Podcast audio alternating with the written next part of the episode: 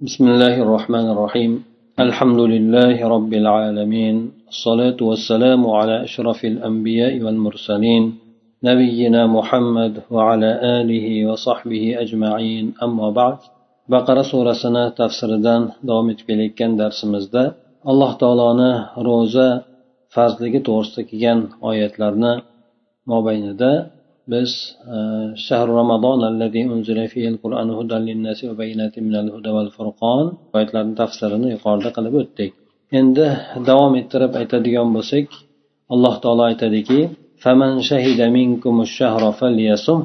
أي ومن حضره الشهر ولم يكن مريضا أو مسافرا فليصم شهر رمضان. وليس معنى شهد أنه رأى الهلال وشاهده بنفسه. فإن الصوم يجب برؤية شاهد عدل وإنما المعنى أنه كان حيا وأدركه وحضره شهر رمضان alloh taolo aytadiki sizlardan kimki o'sha ramazon oyiga guvoh bo'ladigan bo'lsa ro'za tutsin dedi mufassir aytadiki ya'ni bu yerda qaysi bir odam kasal bo'lmasdan musofir bo'lmasdan o'sha ramazon oyiga hozir bo'ladigan bo'lsa bu odam ramazon oyini ro'zasini tutsin. Ya'ni kasal bo'ladigan bo'lsa ro'za farzligi ketib qoladi musofir bo'ladigan bo'lsa ixtiyoriyga aylanib qoladi. Shuning uchun muqim bo'lgan holatida sog'lom bo'lgan holatda ramazon oyi u odamga kirib qoladigan bo'lsa u odam ro'za tutsin deb aytiladi. Bu yerdagi shahida so'zini ma'nosi bu hilolni ko'rsa o'zi guvoh bo'lsa degani emas shahida degani albatta guvoh bo'lsa degan ma'noni anglatadi. Lekin bu oyatda o'sha guvoh bo'lsa yoki o'zi ko'rsa degani emas chunki ro'za bir adolatli bo'lgan guvohni ko'rishligi bilan vojib bo'laveradi. Bir odam demak ro'zani o'sha ro'zani hilolini ya'ni yangi oy chiqqanini ko'rganini aytadigan bo'lsa bu odam adolatli bo'ladigan bo'lsa o'sha odamni aytganligi bilan ro'za farz bo'laverar ekan. Buni ikkita hadis keltirib o'tilgan ekan bu borada. Payg'ambar alayhissalom davrlarida e, bir sahobiy aytadi odamlar oyni ko'rishdi keyin men kelib payg'ambar alayhissalomga xabarni berdim. Keyin payg'ambar sallallohu alayhi vasallam shuni tasdiqlab olgandan keyin men o'zimdan odamlarni ro'za tutishlikka buyurdi deb keladi. Ikkinchisi ham shunga o'xshagan boshqa bir rivoyatda keladi. Jumhur ya'ni ko'pchilik olimlar shu bir adolatli bo'lgan guvohni ko'rishligi kifoya qiladi deb aytishadi. Lekin ro'zani chiqishligi ya'ni hayit kunini bo'lishligida albatta ikkita guvoh bo'lishlik kerak deb aytishadi. Ro'zani kirishligida bitta guvoh aytadiyu lekin ro'zani chiqib ketishligida albatta ikkita adolatli guvoh bo'lishligi kerak ekan deb aytishadi. Demak bu yerdagi ma'no shahida degan so'zdagi ma'no annahu kana hayyan ya'ni odam tirik bo'lsa hamda ramazon oyi u kishiga yetib kelib o'sha ramazon oyida u odam hozir bo'ladigan bo'lsa ramazon oyida ya'ni tirik bo'lib o'sha yerda yuqorida aytib o'tganimizdek musofir bo'lmasdan kasal bo'lmasdan o'z muqimligida sog'lom bo'ladigan bo'lsa bu odamga alloh taolo tomonidan ro'za tutishligiga buyruq bo'lyapti. Ana undan keyin alloh taolo aytadiki أي ومن كان مريضا مرضا يشق عليه الصوم أو مسافرا سفرا شرعيا طويلا فأفطر بسبب المرض أو السفر فعليه صيام أيام أخرى بقدر ما أفطر وكرره لزيادة التأكيد بمشروعية الرخصة.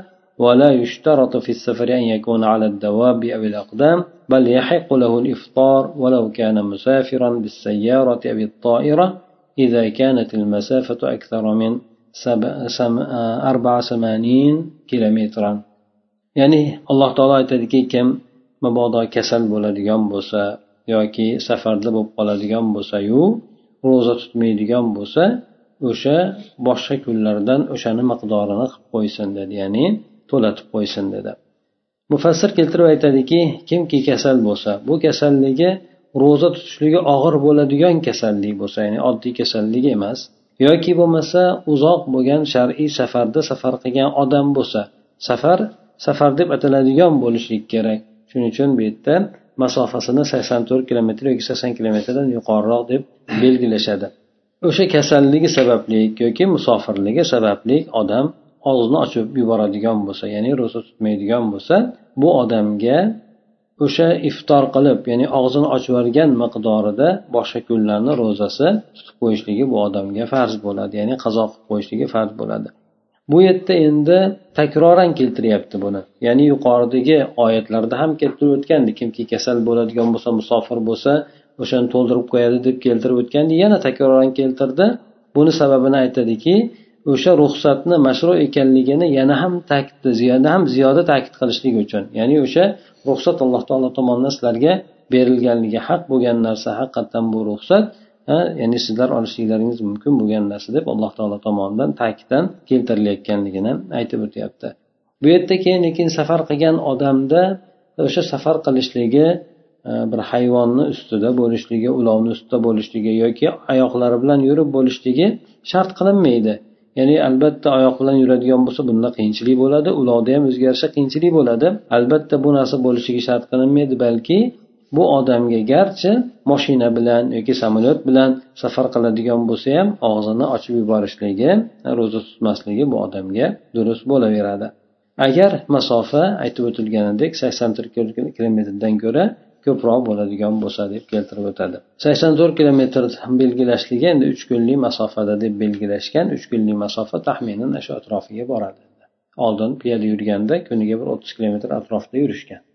O'shani hisobiga sakson to'rt kilometr deb aytilyapti. Alloh taolo sizlar bilan yuqoridagi ruxsatni berishligi orqali sizlarga yengillikni iroda qiladi. hech qanaqangi qiyinchilik bo'lishligini alloh taolo xohlamaydi deydi. Mufassir keltirib aytadiki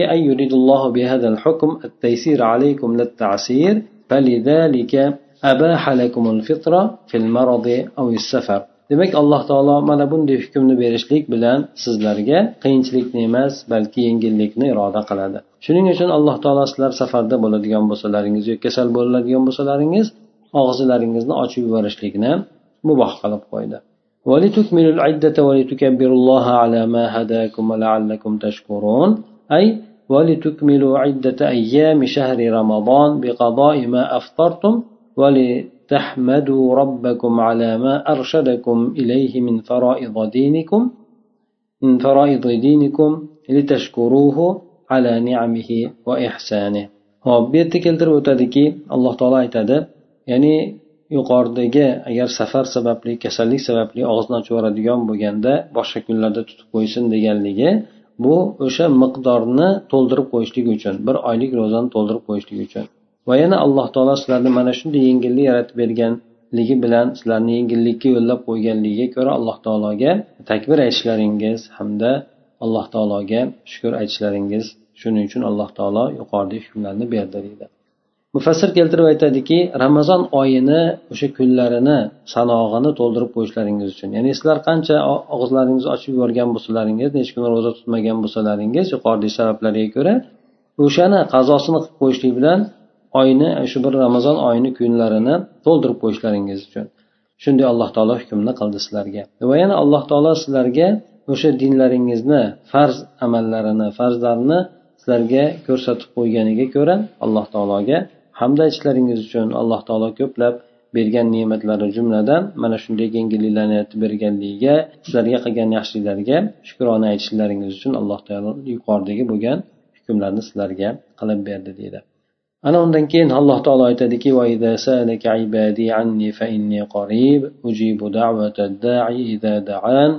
ya'ni agar bandalarim sizdan men haqimda so'raydigan bo'lsalar men ularga yaqinman da'vat qiluvchini duosini ya'ni duo qiluvchini duosini men ijobat qilaman agar menga o'zimga xos duo qiladigan bo'lsa deb keltiradi mufassir keltirib aytadiki جاء جماعة من الأعراب إلى رسول الله صلى الله عليه وسلم فقالوا يا رسول الله أقريب ربنا فنناجيه أي ندعوه سرا أم بعيد فنناديه أي نرفع أصواتنا بالدعاء فنزلت الآية والمعنى إنني مع عبادي أسمع دعاءهم وأعلى أعلم حالهم وأقضي حوائجهم وأجيب دعاء من دعاني payg'ambar sollallohu alayhi vasallam huzurlariga aroblardan aroblar ya'ni sahroda yashaydigan arablar bulardan bir jamoasi kelishibdi aytishibki ey rasululloh sollallohu alayhi vasallam biz robbimiz bizga yaqinmi biz unga maxfiy suratda bir duo qiladigan bo'lsak ya'ni shivirlab ichimizda duo qiladigan bo'lsak ya'ni alloh taolo bizga yaqinmiki biz u zotga ichimizda o'zimiz duo qilaylik. Yoki bo'lmasa alloh taolo bizdan uzoqmiki unga nido qilib ya'ni ovozimizni chiqarib baland qilib e, duo bilan e, duo qilaylik deydi shunday deb so'rashdi payg'ambar alayhissalomdan ya'ni u paytlarda din yangi kelganligi uchun odamlar har bir narsa to'g'risida payg'ambar alayhissalomdan so'rashar edi bu narsani ham kelib so'rashganida payg'ambar sallallohu alayhi vasallam yuqoridagi alloh taolo oyat nozil qilgandan keyin shu javobni berdilar. Bu yerdagi oyatdagi ma'no shu ekanki albatta men bandalarim bilan birgaman men duo ularni duolarini eshitaman holatlarini bilib turaman hojatlarini o'tayman va menga duo qilgan odamni duosini ijobat qilaman deb yuqoridagi oyatni mazmunida keltirib o'tyapti. Demak alloh taolo insonlarga juda ham yaqin hattoki oyatlarda hadislarda keladi min hablil varid ya'ni insonni qon tomiridan ham ko'ra alloh taolo insonga yaqinroq. Qon tomir ya'ni qalbga mubosharatan bog'lanadigan tomir bo'ladigan bo'lsa hattoki o'shandan ham ko'ra alloh taolo insonga yaqinroqdir. Shuning uchun inson e, duo qiladigan bo'lsa e, ovozini ko'tarib boshqalarga ozor beradigan qilib ham emas o'zi eshitar eshitmas qilib e, biladigan aytadigan ham emas balki o'rtacha miqdorda duo qilishlikka buyurilgan. Boshqa oyatlarda ham keladi ya'ni ovozingizni ko'tarib yubormang hamda ovozingizni judayam bekitib yubormang ko'tarib yuboradigan bo'lsa boshqalarga ozor oladi inson yashirib yuboradigan bo'lsa ovozini ya'ni qiladigan hojatlari qiladigan e, nimasida xususida unchalik insonniki chiqmay qoladi ya'ni ichida keladigan bo'lsa shuning uchun jinni o'ziga eshittiradigan qilib aytishligi shu narsa ma'qulroq bo'ladi ana undan keyin alloh taolo aytadiki أي فليطيعوا أمري وليصدقوا بأني القادر على كل شيء ليهتدوا ila tariqin falah demak e, mufassir keltirib aytadiki alloh taoloni yuqoridagi oyatini ya'ni bandalarim mendan ijobat qilishligimni so'rasin. E, hamda menga ular iymon keltirsinlar. Toinki shu narsa bilan ular to'g'ri yo'lga yo'llanadilar deydi laallahum bu yerda illat sababni bildiradi ya'ni li ma'nosida ishlatiladi. Shuning uchun mufassir keltirib o'tyaptiki zafar yo'liga yo'llanishlari uchun bandalarim meni meni buyrug'imga itoat etsinlar hamda meni hamma narsaga qodir ekanligimga iymon keltirib tasdiq etsinlar deydi. Ya'ni alloh taolodan inson duo qilib duo so'rar ekan demak so'rayotganda alloh taoloni hamma narsaga qodir ekanligiga aniq ishongan bo'lishi kerak. Chunki shunda inson alloh taolo ijobat qilishligi hamda o'sha inson uchun inson o'zi uchun so'rayotgan narsasini hosil bo'lishligiga bir aniq ishonch paydo bo'ladi. Agar alloh taoloni hamma narsaga qodir deb e'tiqod qiladigan bo'lsa shuning uchun menga iymon keltirsinlar deb aytayotganligini sababi ham ya'ni alloh taoloni tanib qanday zot ekanligini bilib duo qiladigan bo'lsa albatta inson duosida alloh taolo ijobat qilishligiga ishonuvchanroq bo'ladi. Demak bu yerdagi oyatni e, ya'ni undan keyin ham ro'za haqida gapirib o'tyapti. Yuqoridagi bo'lgan oyatda ham ro'za haqida gapirib o'tib o'rtaga ibodat ya'ni duoni kiritib o'tib ketdi. Demak ro'zada alohida duo qilishlikka inson haris bo'lishligiga ishora bor bu yerda. Chunki yuqoridagi oyatlar ro'za haqida gapirib ketayotgan edi. Undan keyin bu oyatni o'rtaga kiritildi. Duo qilishlik to'g'risidagi yana ro'za oyatlari haqida hukmlari haqida gap ketyapti. Demak oraga bir oyatni kiritib o'tib ketishligi o'sha oyatni demak ikkala oldiga ham orqasi oyatlariga ham aloqasi bor ekanligiga bir ishoradir. Demak inson ramazon oyi kiradigan bo'lsa alloh taologa ko'p duo qilishlik bilan foydalanishligiga ishora bor. Ana undan keyin alloh taolo aytadiki sizlar uchun ro'za kechalarida ayollaringizga qo'shilishliklaringiz halol qilindi deb oyatni aytib o'tyapti. Bu yerda rofas degan kalimasini ma'nosida mufassir keltirib aytadiki kinayatun anil jima. Ay ubiha lakum soimun jima'u nisaikum fi layali ramazon ya'ni rafas degandan murod bu qo'shilishlikdan kinoyadir. kinoya bilasizlar boshqa bir ma'noni aytib undan boshqa narsa iroda qilinadi ya'ni sizlarga ey ro'zador bo'lgan kimsalar ramazon kechalarida ayollaringizga qo'shilishlaringiz ruxsat berildi deb oyat nozil qilindi هن لباس لكم وأنتم لباس لهن أي هن سكن لكم وستر وأنتم سكن لهن وستر شبه الله تعالى المرأة باللباس الذي يزين الإنسان ويستر قبحه فلولا اللباس لبدت سوءة الرجال سوءة الرجل فالمرأة كاللباس للرجل تزينه وتكمله وتجمله والرجل ستر لها وسكن يزينها ويجملها ويسترها وهذا التعبير من ألطف أنواع الاستعارة البيانية demak alloh taolo aytadiki ayollar sizlar uchun libosdir sizlar esa ayollar uchun libossizlar deb keltirib o'tadi mufassir bu o'rinda keltirib o'tadiki ya'ni ayollar sizlar uchun sakan xotirjamlikdir hamda satrdir satr degani ya'ni sizlarni bekitib turadigan narsadir. Ya'ni sizlar ham ayollar uchun xuddi shunday bir xotirjamlik manbaisizlar hamda e, satr ya'ni yopib turadigan kimsa sizlar dedi. Alloh taolo ayol kishini libosga libosga o'xshatdi bu yerda. Libos bu insonni ziynatlab turadi va xunuk bo'lgan joylarini bekitib turadi. Agar libos bo'lmaganda edi kiyim bo'lmaganda edi erkakni orqasi ham ko'rinib qolgan bo'lar edi ayol ham xuddi shuningdek libos kabi erkak uchun erkakni ziynatlab beradi mukammal qilib beradi go'zallashtirib beradi. Erkak ham ayol uchun satr ayolni yashirib ayblarni yashiruvchi hamda unga xotirjamlik yaratib beruvchi bo'ladi. Ayolni ziynatlab go'zallashtirib beradi hamda ayblarini yashirib turadi. Mana shu demak erkak ayol bir biriga libos ma'nosida deb keltirib o'tilyapti. Mana bu tabir bunday qilib tabir bayon qilishlik bu bayoniy istiora istiora degani ko'chma ma'noda so'zni ishlatishlik mana shuni turlarini judayam bir ajoyibidan judayam nozik suratdagi keltirilayotganidan deb mufassir keltirib o'tadi. Ya'ni libos degandan maqsad ya'ni bir birini libos nima qiladi? Insonni aybini yashirib chiroyli qilib turadi. Ana o'shandek erkak kishi ham ayol kishi ham bir biriga nisbatan libos ya'ni ayblarini hammaga oshkor qilmaydi aybini yashiradi hamda iloji boricha boshqalarga yaxshi chiroyli qilib ko'rsatishga harakat qiladi endi. Ayol kishi erkak kishini tozaroq tutishligi erkak kishi ham ayol kishini o'zi ayollarni o'rtasida bir e, yaxshiroq bo'lgan holatda bo'lishligini ta'minlashligi ana undan keyin alloh taolo aytadiki alimallohu annakum kuntum taxtanuna anfusakum fataba alaykum afa ankum ay laqad alima robbukum annakum kuntum takhununa anfusakum bimuqarafati الجماع في ليالي رمضان ولا تصبرون عنهن فرخص لكم بجماعهن رحمة منه بكم وسامحكم على جنايتكم وكانت معاشرة النساء معاشرة النساء في ليالي رمضان محرمة عليهم طيلة الشهر ثم نسخ هذا الحكم وروى روى البخاري عن براء بن آزب رضي الله عنه قال لما نزل صوم رمضان كانوا لا يقربون النساء رمضان كله وكان رجال يخونون أنفسهم فنزلت الآية alloh taolo oyat karimada aytadiki mana endi alloh taolo sizlar o'zlaringizga ya'ni xiyonat qilayotganligingizni alloh taolo bildi hamda sizlarni mana shu qilayotgan ishlaringizda kechirdi alloh taolo afu qildi deb keltirib o'tadi.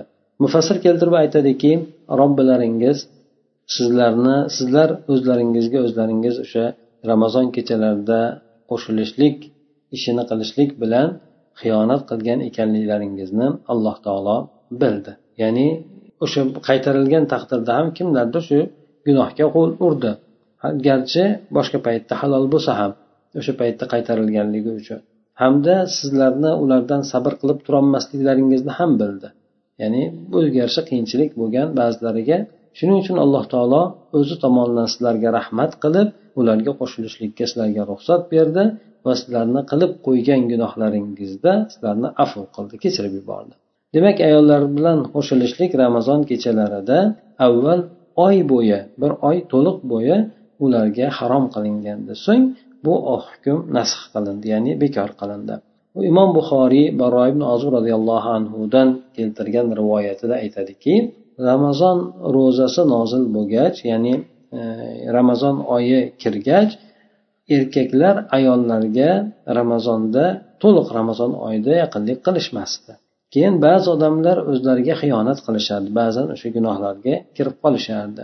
Ana o'shandan keyin oyat nozil bo'ldi deb keltirib o'tadi. Demak oldin qaytarilgan ekan keyin ruxsat berildi bu narsaga. فالآن باشروهن وابتغوا ما كتب الله لكم أي فمنذ هذا الحين أبيح لكم معاشرتهن في ليالي رمضان فعاشروهن واطلبوا بنكاحهن الذرية والولد ولا يكن غرضكم نيل اللذة والشهوة فقط قال ابن عباس ما كتب, كتب الله لكم يريد الذرية والنسل نبه تعالى إلى أن الغرض من الزواج ليس نيل اللذة والمتعة وإنما هو لبقاء النسل ولهذا الغرض السامي شرع الزواج alloh taolo aytadiki ana endi ayollar bilan yaqinlik qilaveringizlar dedi hamda alloh taolo sizlar uchun yozib qo'ygan farzandlarni istanglar bu bilan dedi demak ana o'sha oyat nozil bo'lgan paytdan boshlab turib sizlarga ayollaringizga ramazon kechalarida qo'shilishlikka ruxsat berildi ular bilan qo'shilsalaringiz bo'ladi lekin shu narsa bilan ya'ni qo'shilishlik bilan zurriyot bola bola farzand bo'lishligini talab qilinglar. Bu yerda sizlarni maqsadlaringiz faqatgina o'sha lazzatni qondirishlik shahvatni qondirishlik bo'lib qolmasin dedi. Ibn abbos aytadilarki alloh taolo sizlar uchun bitgan narsani taqdir etgan narsani deganda bu yerda zurriyotni naslni iroda qiladi. Alloh taolo bu yerda ham o'sha nikohdan bo'lgan maqsad bu lazzat faqatgina inson maza qilishligini maza qilishligini yoki lazzatni qondirishligi emas balki bu narsa naslni qolishligi ya'ni naslni davom ettirishligi uchundir ya'ni farzand ko'rishlik uchundir bu yerda demak oliy mana shu yuqori bo'lgan oliy bo'lgan maqsad sababli nikoh shariat qilindi ya'ni oila qurishlik shariat qilindi deb aytilib o'tiladi وكلوا واشربوا حتى يتبين لكم الخيط الأبيض من الخيط الأسود من الفجر أي وكلوا واشربوا في ليالي الصوم إلى طلوع الفجر والتعبير بالخيط الأبيض عن النهار وبالخيط الأسود عن الليل استعارة استعارة بديعة وليست الآية على ظاهرها. فقد روى البخاري عن عدي بن حاتم أنه قال لما نزلت الآية عمدت إلى عقال أي حبل أبيض وعقال أسود فجعلتهما تحت وسادتي وجعلت أنظر في الليل فغدوت على رسول الله صلى الله عليه وسلم وذكرت له ذلك فقال إن وسادك لعريض كناية عن سوء الفهم وإنما ذلك سواد الليل وبياض النهار alloh taolo oyatda bu oyatda aytib o'tadiki sizlar to oq ip qora ipdan ajragunigacha yeb ichaveringlar deb aytadi ya'ni tong paytida oq ip qora ipdan ajragunigacha yeb ichaveringlar dedi bu yerdagi mufassir aytib o'tadiki sizlar ramazon kechalarida to tong otgunigacha yeb ichaveringlar. Bu yerda oq ipni oq ip bilan kunduzini bayon qilinyapti qora ip bilan esa kechani bayon qilinyapti. Bu yerda judayam ajoyib bir suratda ko'chma ma'noda bu narsa ishlatilyapti. Oyat zohirga ko'ra emas ya'ni ipni iroda qilinayotgani yo'q bu yerda. Imom buxoriy rivoyat qilgan hadisda esa adi ibn hotimdan aytadilarki oyat nozil bo'lgan paytda men bir ip bor edi oq bo'lgan ipni hamda qora ip bo'lgan ipni qasd qildim shularni keltirdim. Ularni o'zimni yostig'imni ostiga qo'ydim keyin keyin mana shunga kechasida qaray boshladim ya'ni qanchalik ajrayapti ya'ni tong otish payti ya'ni saharlik tugaydigan payti qachon bo'ladi deb o'shanga qaray boshladim endi. To oyatda kelishi bo'yicha zohirida oq ip bilan qora ipni qo'yib turib go'yoki ikkalasi ajraladigan bo'lsa inson o'sha kechasida yorug'liksiz shunday o'zini ko'radigan payti demak o'sha paytda tong otgan bo'ladi yeyishlik to'xtagan bo'ladi. O'sha paytgacha yeyishlik insonni mumkin bo'ladi oyatda agar zohirga qaraydigan bo'lsa. Bu kishi oyatdan shu narsani tushunib oldida shu narsani keyin qilishga harakat qildi. Keyin aytadiki ertasiga ertalab g'odovtu degani ya'ni ertasiga ertalab payg'ambar sallallohu alayhi vasallamni huzurlariga bordim deydi o'sha narsani payg'ambar alayhisalomga zikr qildim. Kechasi mana shunaqa mana shunaqa bo'ldi shunga qarab qarab shunday ovqatlandim deb aytdilar deydi o'shanda payg'ambar alayhissalom kulib aytdilarki unda sizni bolishingiz yostig'ingiz judayam keng ekanda unda deb payg'ambar alayhissalom kulib qo'ydilar deydi ya'ni bu yerda u odamni tushunchasini noto'g'ri tushunganligi uchun. Bu yerda u bilan maqsad kechani qorong'i bo'lishligi kunduzni yorug' bo'lishligi. Demak o'sha oq ip bilan qora ip sizni bolishingiz tagiga sig'ib ketgan bo'lsa bolishingiz judayam keng ekanda dedi. Ya'ni oq ip bilan qora ipdan murod kecha kunduzida kecha kunduzni qoplaydigan darajada bo'ladigan bo'lsa bolishingiz judayam katta bo'lish ekanda deb payg'ambar alayhissalom kulib qo'ydilar deydi demak oyat bu zohiriga ko'ra emas balki buni maqsadda boshqa narsa iroda qilingan deb aytiladi yana oyatni davomida keltirib aytadiki alloh taolo ro'zani keyin kechgacha to'liq qilinglar dedi. Kech ya'ni o'sha quyosh botguniga qadar taomdan yemak ichmakdan jimodan tiyininglar dedi. bu ro'za ochib tashlovchi bo'lgan narsalar hisoblanadi.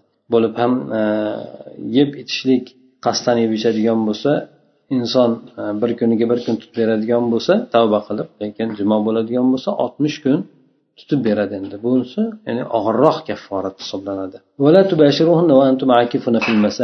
Endi masjidda e'tikof o'tirgan holatlaringizda ham kechasimi kunduzi bo'ladimi ayollaringizga yaqinlashmanglar dedi. Ay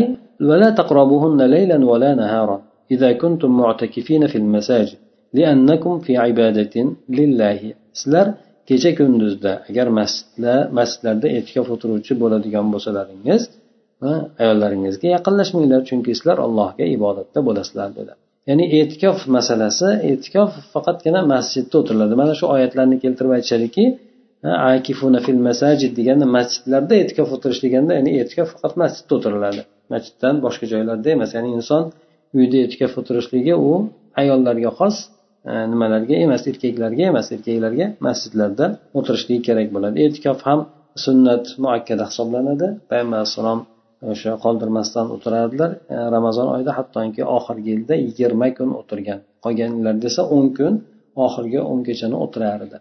Sabab e, o'sha payg'ambar alayhissalomni o'tirishligidagi sabab asosan o'sha qadr kechasini topishlik bo'lardi. Keyin e'tikofni ham o'ziga yarasha hukmlari bor buzib qo'yadigan narsalari bor. Buni o'z vaqtida aytib o'tdilar endi. تلك حدود الله فلا تقربوها كذلك يبين الله آياته للناس لعلهم يتقون أي هذه الأحكام المذكورة حدود الله أي محارمه أوامره ونواحيه فلا تتجاوزوها ولا تخالفوها كذلك يوضح الله لكم شرائع دينه لتتقوا غضب الله وعذابه undan keyin alloh taolo yuqoridagi hukmlarni keltirib turib aytadiki mana bu yuqorida o'tganlar hammasi alloh taolo sizlarga had qilib berganlar chegaralab bergan narsalar. Ularga yaqinlashmanglar. Chegaraga yaqinlashligi chegaradan o'tib ketib qolishligiga sabab bo'ladi haromga yaqinlashligi haromga tushib qolishlikka yaqin bo'ladi. Shuning uchun alloh taolo ularni qilminglar emas balki ularga hattoki yaqinlashmanglar deb insonlarni ogohlantirdi. Ana shunday qilib alloh taolo insonlarga o'zini oyatlarini hukmlarini bayon qilib beradi. Shoyatki bu narsa bilan insonlar alloh taolodan taqvo qilishsa alloh taolo aytganini qilib qaytishsa deb keltiradi.